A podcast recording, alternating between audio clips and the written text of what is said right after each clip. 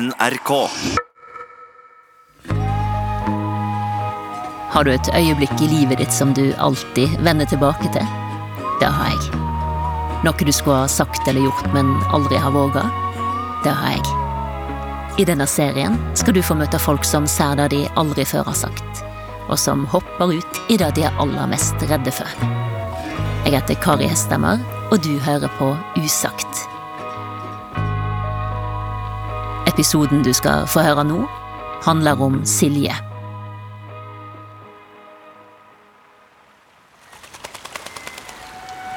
Det er sommeren 2000.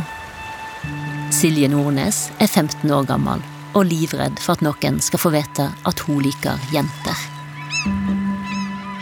Denne sommeren har hun fått jobb i ferskvaredisken på den lokale matvarebutikken på Hamarøy. Det var veldig varmt bak der. Sinnssykt varmt. Fordi det var på en måte Det var sommer, og det var varmt ute. Altså, vi baka jo hele veien. Og den der grillen sto jo og dundra hele dagen. Så en dag Vent litt, jeg må bare ta den her snusen. Og ro meg ned. Så en dag så kommer det noen og sier jeg vet ikke, unnskyld eller hallo. Eh, påkaller min oppmerksomhet. Og så ser jeg opp, og så ser jeg rett inn i øynene på en eh, kvinne som jeg aldri har sett før. Um, og så um, Og så vil hun ha grillbein. Framfor Silje står ei ukjent kvinne i shorts og singlet. Og jeg vet ikke helt, men jeg kan se for meg at den singleten var lilla. uh, og så har hun kjempe, kjempe, kjempelangt uh, svart hår i ei flette som er liksom Ja, den er veldig lang. Og det er mulig det er bitte litt grå spett i tinningene, liksom. Kvinna ser ut som hun kan være i slutten av 30-åra.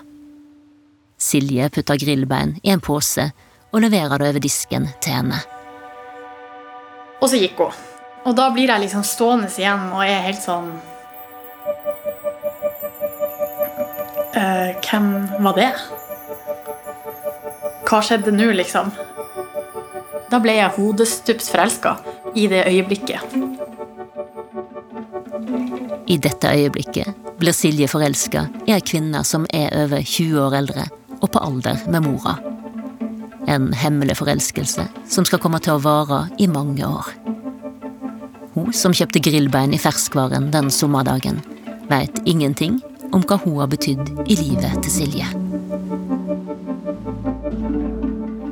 Og så føles det da veldig rart at det er en sånn stor del som også angår henne, som hun ikke vet.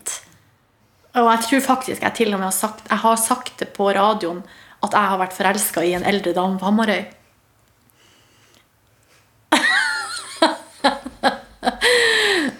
og da er det på en måte nesten sånn at Ikke at jeg føler at jeg skylder henne det, men jo, på en måte. At uh, I tråd med hele den her uh, At jeg skal stå for uh, hvem jeg er, på en måte. Så hører det her også med. Og da, hvis det er en som skal få vite det, da, så er det hun.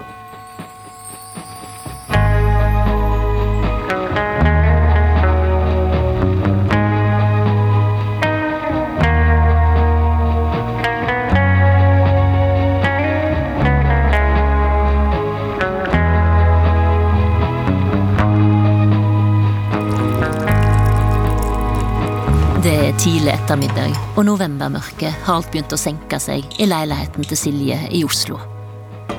Etter åtte år som programleder for P3 Morgen er hun nå midt i opptak til Maskorama, NRK sin nye store helgesatsing. Hun har hatt enorm suksess med alt hun har gjort, men ser at hun nå står i en slags midtlivskrise. Singel og ubesluttsom rundt mange av livets store spørsmål. Det har jo handla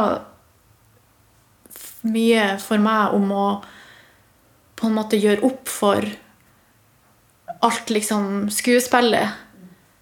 Og være eh, ærlig og tro mot meg sjøl. Og jeg har også vært veldig transparent. Litt pga. jobben min. at den, Det å drive med personlighetsdrevet radio, som det heter. Altså det å lage innhold av oss. Det, da har det vært helt avgjørende at vi har vært ekte og ærlige. Og eh, det har på en måte også vært eh, veldig godt for meg. Det er Silje sjøl som har foreslått å ta kontakt med kvinner hun forelsker seg i. Som en del av prosjektet om å være ærlig og stå for den hun er. Jeg er litt nervøs. Men hun har òg begynt å tvile på om det er en god idé. Det er nok et snev av skammen som ligger igjen, at jeg på et eller annet nivå ikke vil dra henne inn i, i det her, hvis du skjønner. Kanskje hun syns det er ekkelt. Silje kommer fra ei lita bygd i Nordland og er redd for at det skal bli folkesnakk, og at kvinner skal få et fokus på seg som hun ikke vil like. Jeg kjenner nok også på at det er så gjennomsiktig hjemme. Er du eh, redd for å bli avvist? Ja, litt det òg. Ja. Hvis du skal, skulle møtt henne, hva ville du Hva tenker du at du ville sagt da? Oh, nei, det kjenner jeg at jeg faktisk sliter litt med. Nå sitter vi jo her, da, men Jeg vet ikke. altså, jeg tror jo jeg bare måtte jo bare ha sagt at uh, uh, jeg måtte vel bare sagt det som det er. Og så Jeg vet ikke heller om jeg skal si takk, liksom. takk for at du er At du var der, på en måte. Uten at du visste det. Det var ingen som visste noe. Silje har vokst opp i et åpent miljø. Likevel later hun i mange år som om hun var en annen enn den hun er. Det var jo et slags eh, sosialt spill på et vis som jeg spilte ganske sånn eh, bevisst og strategisk. Sånn at jeg liksom hadde noen, eller jeg kunne si at jeg var interessert i noen. Vi kunne clean litt liksom på dansegulvet, og så trekte jeg meg unna. Det var en boks som på en måte var egentlig Den var helt lukka. Jeg snakka ikke med noen om det. Og hadde, hadde veldig gode, veld, veldig gode, nære venner. Men det er noe med hvis du ikke er deg sjøl og overfor dem, da blir man litt alene allikevel, da, inni seg. Det at jeg sjøl ikke hadde lyst til å snakke om mine egne følelser, gjorde jo at jeg heller ikke engasjerte meg eller så veldig i deres. Fordi det var akkurat som at da kom vi inn i et rom der det ble på en måte farlig for meg å være. Vi kunne ikke snakke om de tingene, for da måtte jeg også lyge. Og det likte jeg ikke. Det var utenkelig for Silje å se for seg et liv med en jentekjæreste på slutten av 90-tallet. Jeg husker Anne Holt liksom var justisminister på et tidspunkt her. og blir et helsikes leven med hun og kona og, og barn etter hvert. Og at det var sånn her eh, Ja, bare det at de to var sammen og fikk et barn, det var liksom førstesidestoff, liksom. En sensasjon. Man bare får en sånn følelse av at sånn vil ikke jeg være. Um, sånn at i begynnelsen så handla det nok mye om at jeg prøvde å fortrenge det. Og gjemme det. Og venta på at det skulle gå over. det gjorde det ikke. Absolutt ikke. Og midt i denne fasen, en varm sommerdag på butikken, smeller det inn en forelskelse. Som bare var verdens største hemmelighet. og som jeg skjønner jo at, at, det kan høres liksom rart ut. At man kan forelske seg i noen um, på ett blikk. Noen man ikke vet hvem er. Um, men jeg tror nok også det ble en sånn slags um,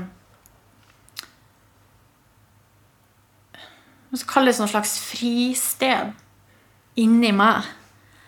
Det er ganske tidlig etter den dagen på butikken så må jeg da begynne å finne ut av hvem det her er for noen. Sånn at eh, Særlig han pappa har liksom veldig kontroll på alle på Hamarøy. han vet hvem alle er, og hva de heter, og hvem de er i slekt med. og liksom hele pakka. Så på et tidspunkt så, så, sitter vi liksom bare og spiser middag og prater, og så sier jeg sånn der eh, Hvem er hun der med det veldig lange håret? Sånn tilfeldig, tilforlatelig, liksom. Uh, og da skjønner de jo med en gang hvem jeg mener. Eh, nei, Anne heter hun. Ok. Og, så, så, og da, liksom, da har jeg fått første spor.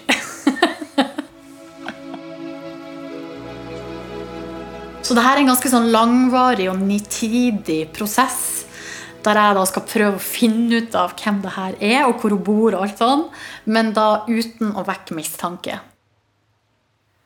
Så jeg sykler da i så i lende der jeg tenker at hun bor, og det er ganske langt. Eh, og ser på alle husene og lurer på hvilket hus det er. Men så vet jeg jo også hvilken bil hun har, og så står ikke bilen noe sted. Så det der er egentlig et mysterium. Men jeg fortsetter å sykle da, den veien.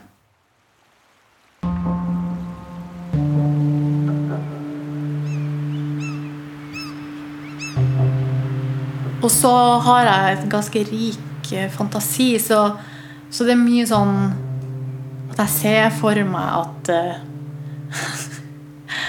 at jeg f.eks. blir tørst. Om å gå inn et sted og få et glass vann. Eller at jeg f.eks. skulle um, kjøre i grøfta og skulle bli liggende der. Og, og så tilfeldigvis hun skulle komme forbi og redde meg. Uh, og ta meg med hjem eller noe. Ta vare på meg.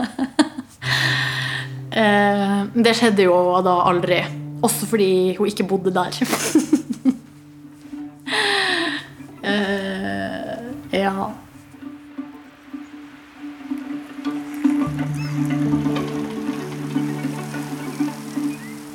Men hva tror du det betydde for deg da, i den perioden der? Den forelskelsen? Jeg tror nok at i det der så lot jeg liksom meg sjøl være meg. Um, I motsetning til egentlig i alle andre situasjoner. Det var liksom alle drømmene sånn kanalisert til én person, på et vis. Fordi ellers så var det enten sånn full fornektelse, eller så var jeg, så var jeg veldig fortvilt.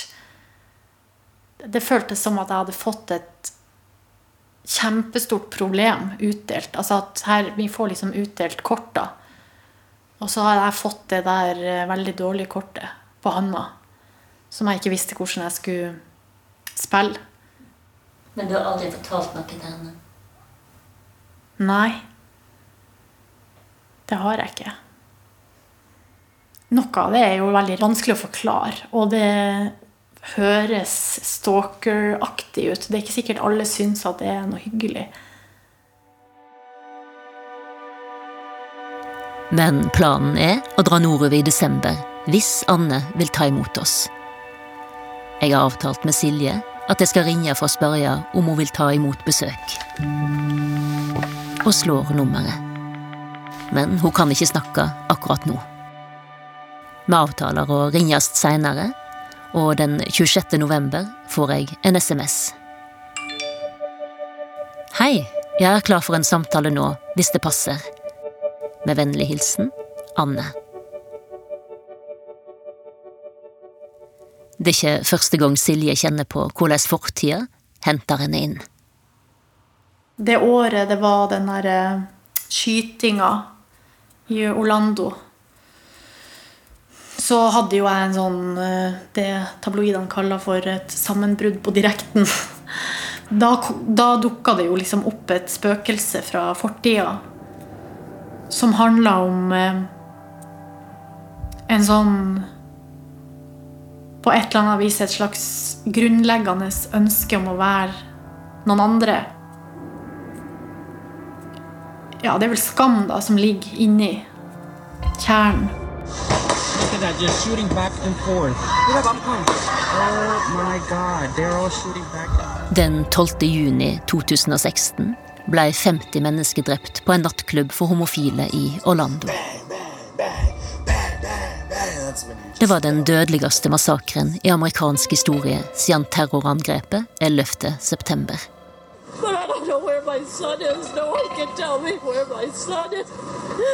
Gjerningsmannen var en amerikansk statsborger med afghansk bakgrunn. Som før angrepet ringte nødnummeret og erklærte truskap til IS. Dagen etter er Silje som vanlig programleder på P3 Morgen. Det jeg kjente på i går, faktisk, var en følelse som jeg ikke har kjent på veldig veldig, veldig lenge. Hva slags følelse da? Nei, Det er en følelse av at kanskje det hadde best, vært best um, om jeg ikke var sånn som jeg er. skjønner Tenkte du det i går? Jeg tenkte det i går. Nå er det pride neste uke. Jeg skal dit, jeg skal kose meg. Jeg skal... Men det blir, jo ikke, det blir jo ikke det samme når man vet at folk liksom hater så sterkt. Eller det er jo derfor vi gjør det. Det er jo derfor vi skal feire neste uke. Men åh Sorry, altså, men Nei. jeg blir så utrolig lei meg. Og så kommer sesong tre av Skam, TV-serien, med Isak og Even, og da rørte det altså opp så mye greier i meg. Altså, det var, det var som å gå i skikkelig tunge terapitimer og se de episodene. Fordi at jeg fikk det så i fleisen, på en måte. Da jeg så traileren til den sesongen, når Isak sitter i garderoben og ser på kompisene som leker slåss, og så sitter han liksom alene, og så er det jo noen som kaster den her melkekartongen som sprenges, og så drypper det melk over han i sakte film. Så begynte jeg å gråte. Umiddelbart. Fordi jeg kjente meg så igjen i å være med, men allikevel liksom så alene, da.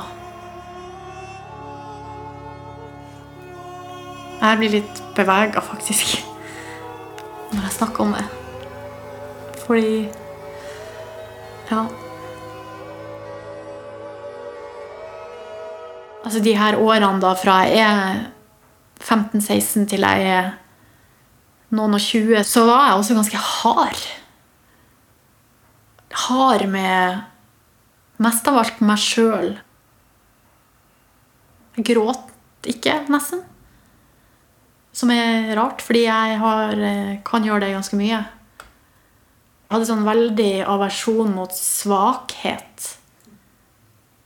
Som er ganske fælt å tenke på nå, fordi jeg er jo ikke sånn. Men det var akkurat som at det var sånn Nei, man skal bare stå opp, gå på skolen, levere, gjør jobben din, gjør det du må. Bit tenner sammen. Uansett. Og jeg har ganske mye sånne tanker, og de, og de sier jeg også høyt til vennene mine. At jeg liksom aldri skal gifte meg, aldri kommer til å finne noen. Når de skal gifte seg, sånn, så kommer jeg til å være hun fulle som eh, går hjem sist, og sånn. Det er veldig rart, det høres ut som jeg levde på 1800-tallet. For jeg hadde altså så masse sånne tanker at jeg så for meg at jeg kunne bli sammen med en homofil mann. Så kunne vi ha et slags hemmelig eh, forbund der eh, vi gifta oss og bodde sammen. Og så kunne vi liksom ha det som sånn skalkeskjul. Jeg skjønner ikke Men det tenkte jeg sånn, som helt sånn Det er en god idé. Det kan vi gjøre. uh, ja da. Og så er det et tidspunkt, da har vi vel kommet til eh, tredje klasse på videregående, at eh, vi har en sånn eksamensfest da skal feire at vi er ferdig med muntlig eksamen og ferdig på videregående. Der eh, det går eh, litt over styr, for å si det mildt. For min del så ble altså utrolig overstadig berusa, rett og slett. Jeg tror jeg drakk en sekser med øl, da, og så delte jeg og to venner en liter med Jegermeister. det gikk ikke bra. Det gikk kjempedårlig. og drar ut på den lokale puben, altså på gjestegården i kjelleren der. Og, eh, og jeg husker ingenting fra vi drar fra den vorspielet. Og egentlig til jeg våkna neste morgen. Og så det eneste jeg husker, er sånne glimt av at jeg eh, sitter i baren og sier til bartenderen som er over disken, at jeg liker jenter. Men jeg husker ikke hvor høyt jeg sier det, om det er noen som sitter rundt, og eventuelt hvor nær de er. Altså sånn Det er det største tunnelsynet, på en måte. Og så på et tidspunkt gråter jeg. Altså, det er sånne glimt jeg får, som er sånn Ja. Så jeg våkna jo opp neste morgen til liksom tidenes eh, blå søndag. Da hadde jeg altså så fyllenerver. Og så dro jeg på Roskilde og bare ja, dro. Og så meg ikke tilbake. jeg. Men det gjorde jeg, for jeg kom jo tilbake ei uke etterpå.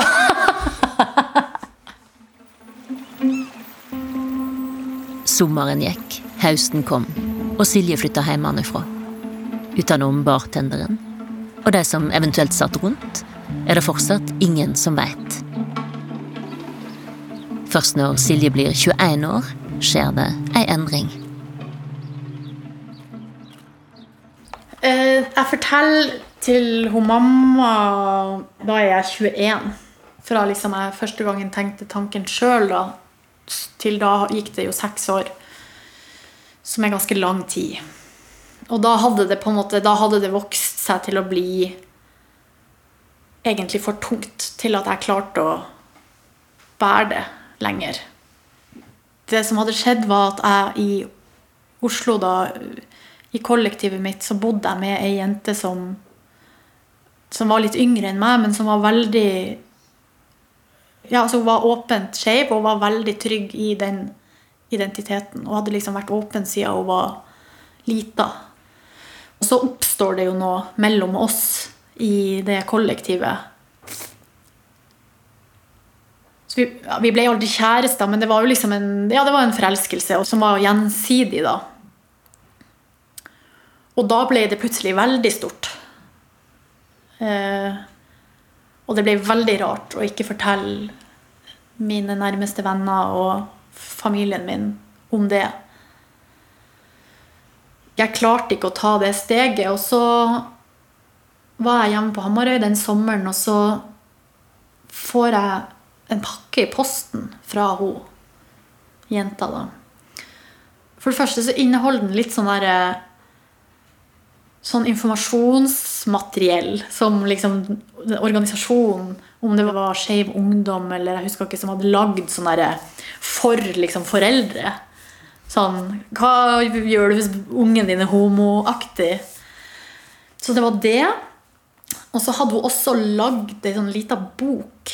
Um, en liten tegneserie om meg.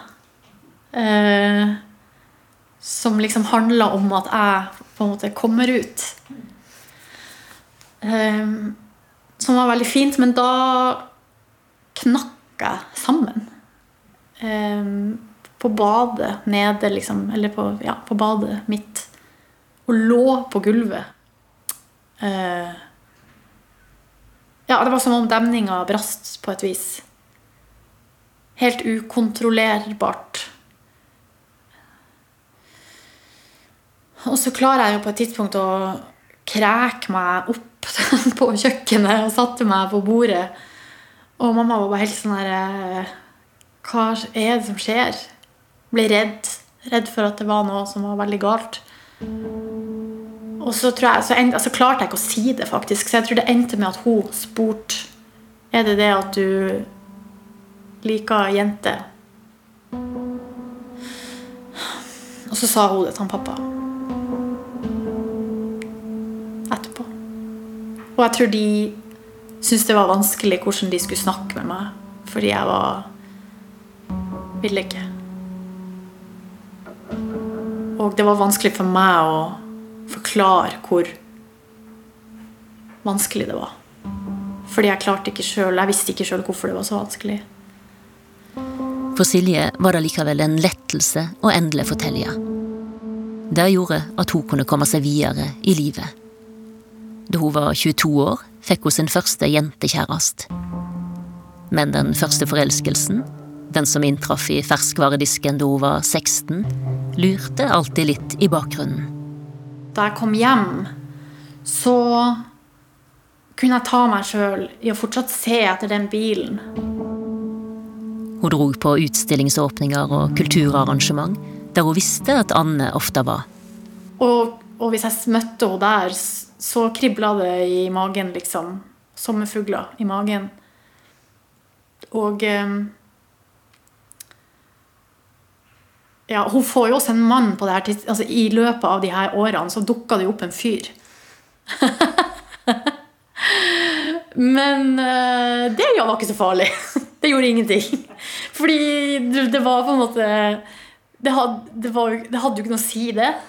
Altså sånn, for det var ikke sånn at jeg trodde at jeg hadde sjans. Altså, det var jo ikke det det handla om i det hele tatt, egentlig. Så det gjorde ingenting.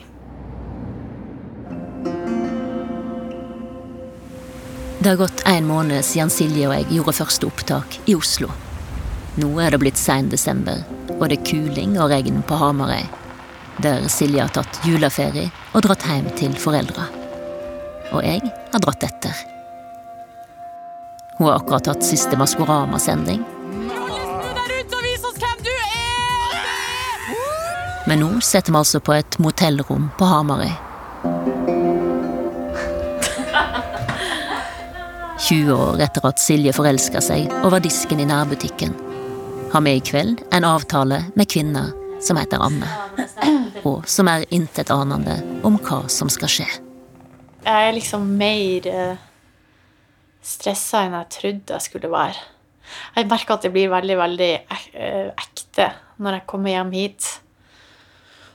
Og så er det nå bare med å liksom åpne opp uh, de sånne gamle bokser inni meg.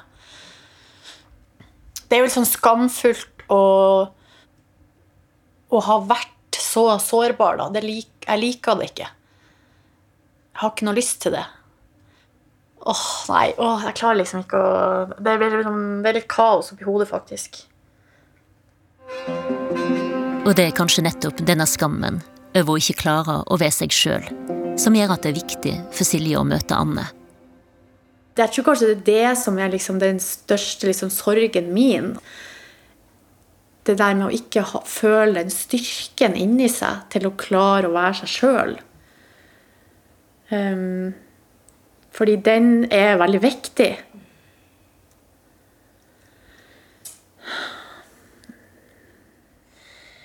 Men hva tenker du om i kveld, da? Nei, jeg gruer meg altså så vanvittig. Og jeg kan ikke forstå at jeg har gjort det her. Har du um, liksom gått gjennom det i hodet ditt? Hva jeg skal si? Ja.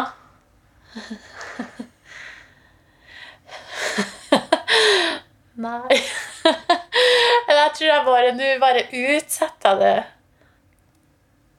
Jeg har lyst til å kjenne på energien i rommet før man liksom eh, avgjør eh, ordene, på et vis. Det er jo noe litt søtt med å være sånn ung og forelska i noen som er helt uoppnåelig. Men så er det også litt flaut. Fordi eh, det er så Ja, det er så langt fra virkeligheten, eller Ja. Og det er jo Ja. Det er som å være forelska i en filmstjerne, liksom. Og tro at man har sjans. Som man ikke har. Hvem var det som ble sammen med Det var jo hun eh, i ABBA, Agnete. Hun ble sammen med en sånn Jeg tror han var stalker. Så alt kan jo skje.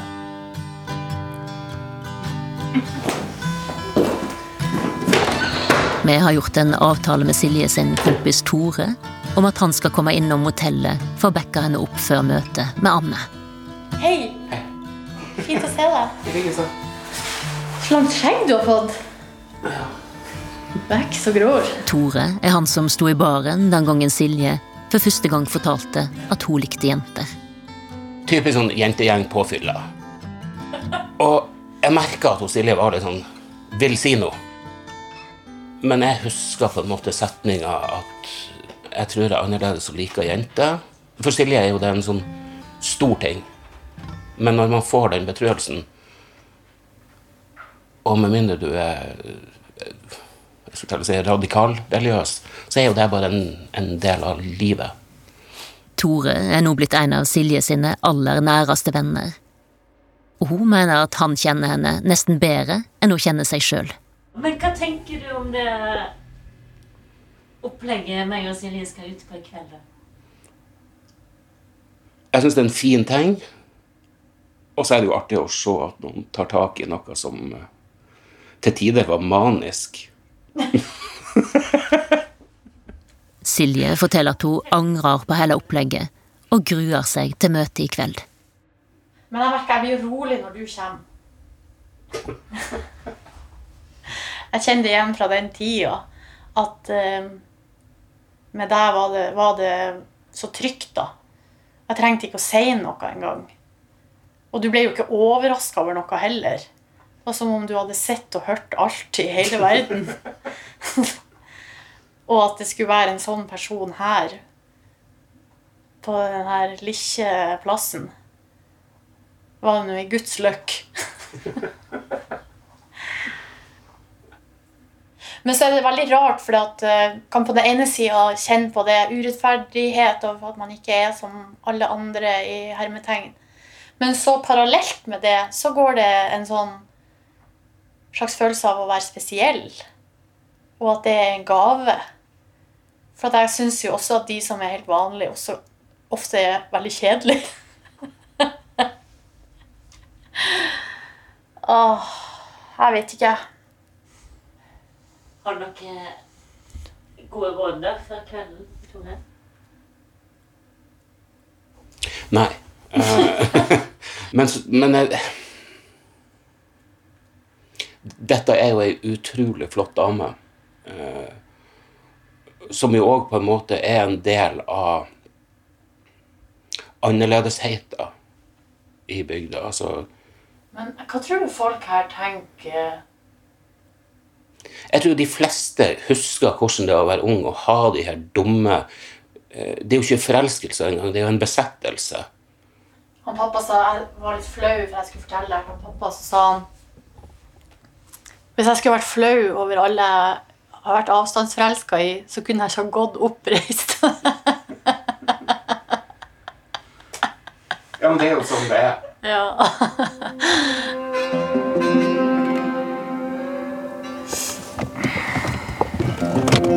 Ikke småtteri heller.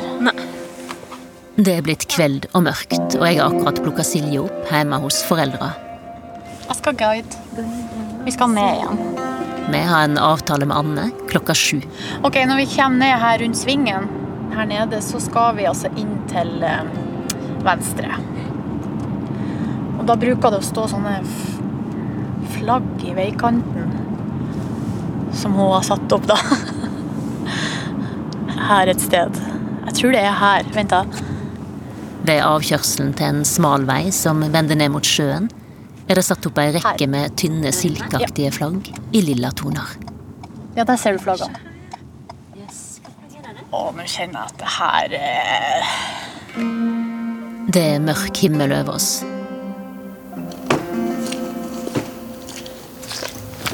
Jeg angrer. Huset til Anne er lite og mørkegrått og går nesten i ett med naturen. Skal jeg banke på? Døra åpner seg før Silje rekker å banke på. Hei.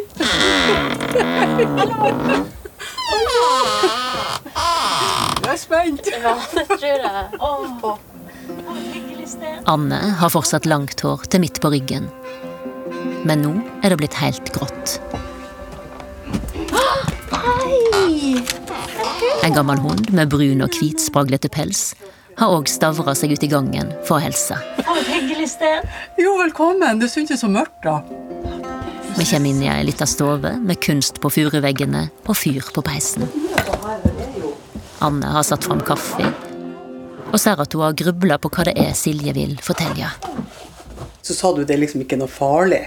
Men jeg sier, jeg vet ikke, jeg, synes jo før, jeg føler jo sjøl at jeg har gjort mer ugagn enn nytte her på bygda, så jeg vet jo ikke sant. Kan det ha noe med et kulturarrangement hun har vært involvert i? Kanskje det har noe med det Hamsundag, engasjement og sånne der ting, ikke sant? Eller jeg vet ikke. Så Ja. Nei da, men det er sikkert greit. Vi tar det på strak arm. Ja. Eh, jeg blir litt mål Eller jeg blir Silje setter i en brun 70-talls skinnstol på den ene sida av salongbordet. Mens Anne setter i god koronaavstand på den andre enden. Avstanden føles lang.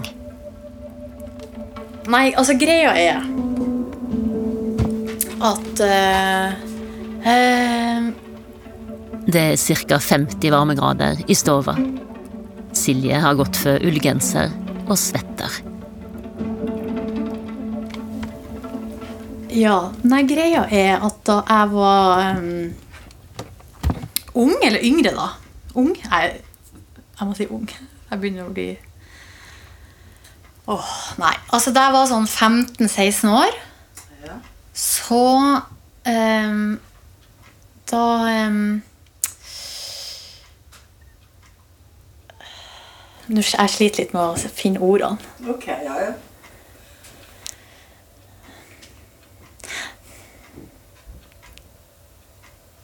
Ja. Nei, altså, jeg hadde mm. Jeg vet ikke hvor jeg skal begynne. Skal jeg bare gå rett på eh, Ja. Nå spør jeg Ok, nei. For greia er at i eh, noen år da jeg var ung, fra jeg var, fra jeg var sånn 15-16 år, så eh, Så var jeg skikkelig, skikkelig forelska i deg. jo.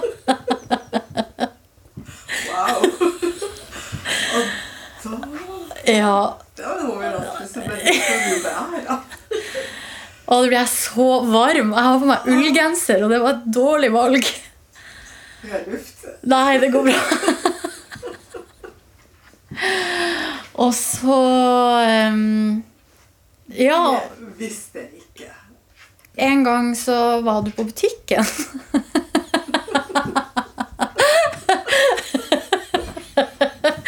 da, eh, da jeg jobba Jeg jobba litt på butikken. Ja. Så var du der en gang, og så eh, Så skulle du kjøpe grillbein. Åh. Og så, eh, så sto jeg i disken, da. Og da eh, var det kjærlighet ved første blikk. Nei. Og da visste ikke jeg hvem du var. Men så skjønte jeg litt sånn hvor du brukte å frekventere. Kanskje i de kunstgalleriene og Hamsun-relaterte arrangement. Så da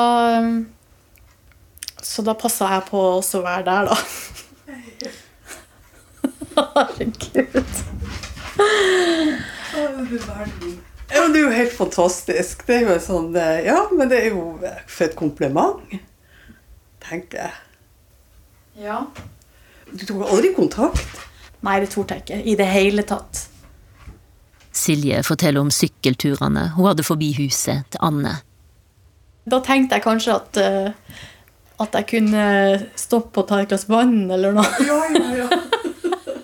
og alt hun gjorde for å få et glimt av henne. Hun forteller om at hun drømte om å bli redda, og om tankene hun ikke delte med noen. Ingen. Nei. Ikke før etter noen år, nei. For meg er det jo bare en sånn der en, eh, boost for selvtilliten. Ikke sant? Ja, det er jo eh, ja, udelt. Ja, det må jeg si. Det var i hvert fall ikke noe å være redd for. Det var bare veldig koselig. Og det er jo ikke farlig. Silje er letta over reaksjonen til Anne. Ja, nå må vi faktisk lufte. Nei, men du, ja, men jeg, men syns det er så rart. Altså, tenk hvordan man kan eh, overhodet ikke legge merke til det. Altså, hvor du har Ja. Dette kunne jo ikke jeg på noen måte ha For jeg har jo visst hvem du var sånn fra du var lita, faktisk. Ikke sant? For jeg vet jo godt av foreldrene dine og kjenner jo dem. Silje forteller at hun fikk seg kjæreste da hun var 22, men at hun likevel så etter Anne da hun var hjemme i sommerferiene. Jeg husker den gamle bilen din, den som du hadde før. Ja. Men hadde den også grønne skilt? Ja. For den var jeg veldig på utkikk etter. De, altså Om den sto utenfor butikken, eller, ikke sant? da måtte jeg stoppe der. Men så var det noen andre som hadde en lik bil, men som ikke hadde grønne skilter. Så det var en slags lurebil, da. Ja. Nei, men Nei. Vel, jeg kjenner bare at dette det tar jeg med meg videre i jula og lever på. Ja. Det er julegave. ja, det er julegave. Det var litt av en julegave. Anne har fått årets julegave, og Silje har våga noe hun har vært redd for.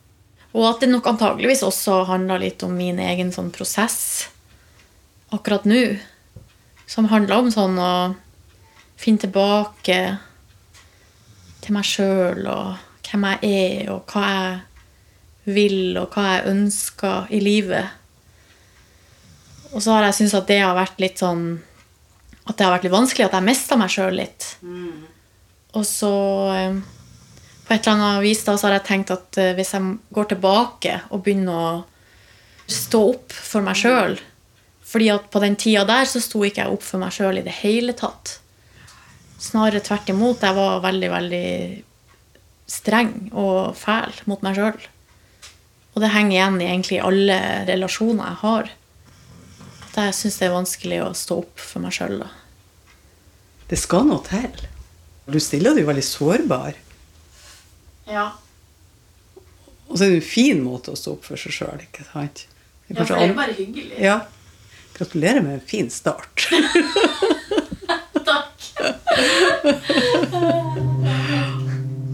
Silje, som har vært redd for å bringe skam over Anne, hadde ikke trengt å bekymre seg. Når sendes det?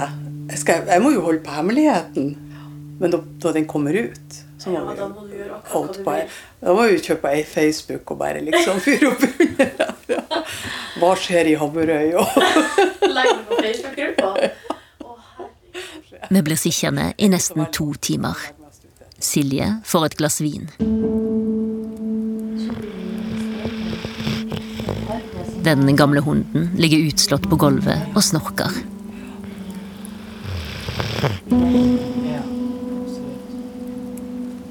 Akkurat når vi skal til å bryte opp, hører vi en magisk lyd.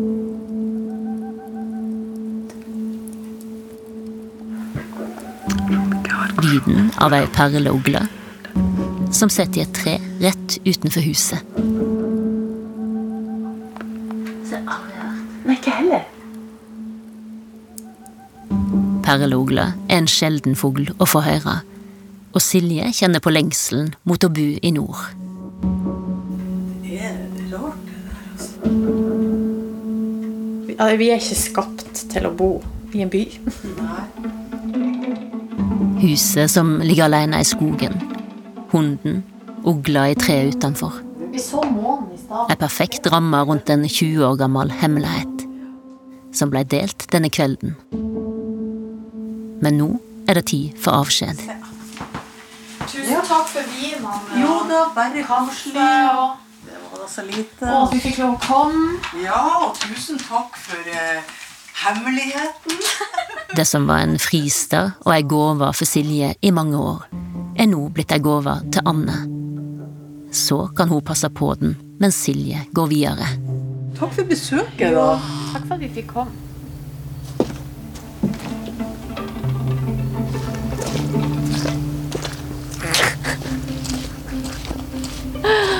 Å, herregud. Nå er det stjerneklart!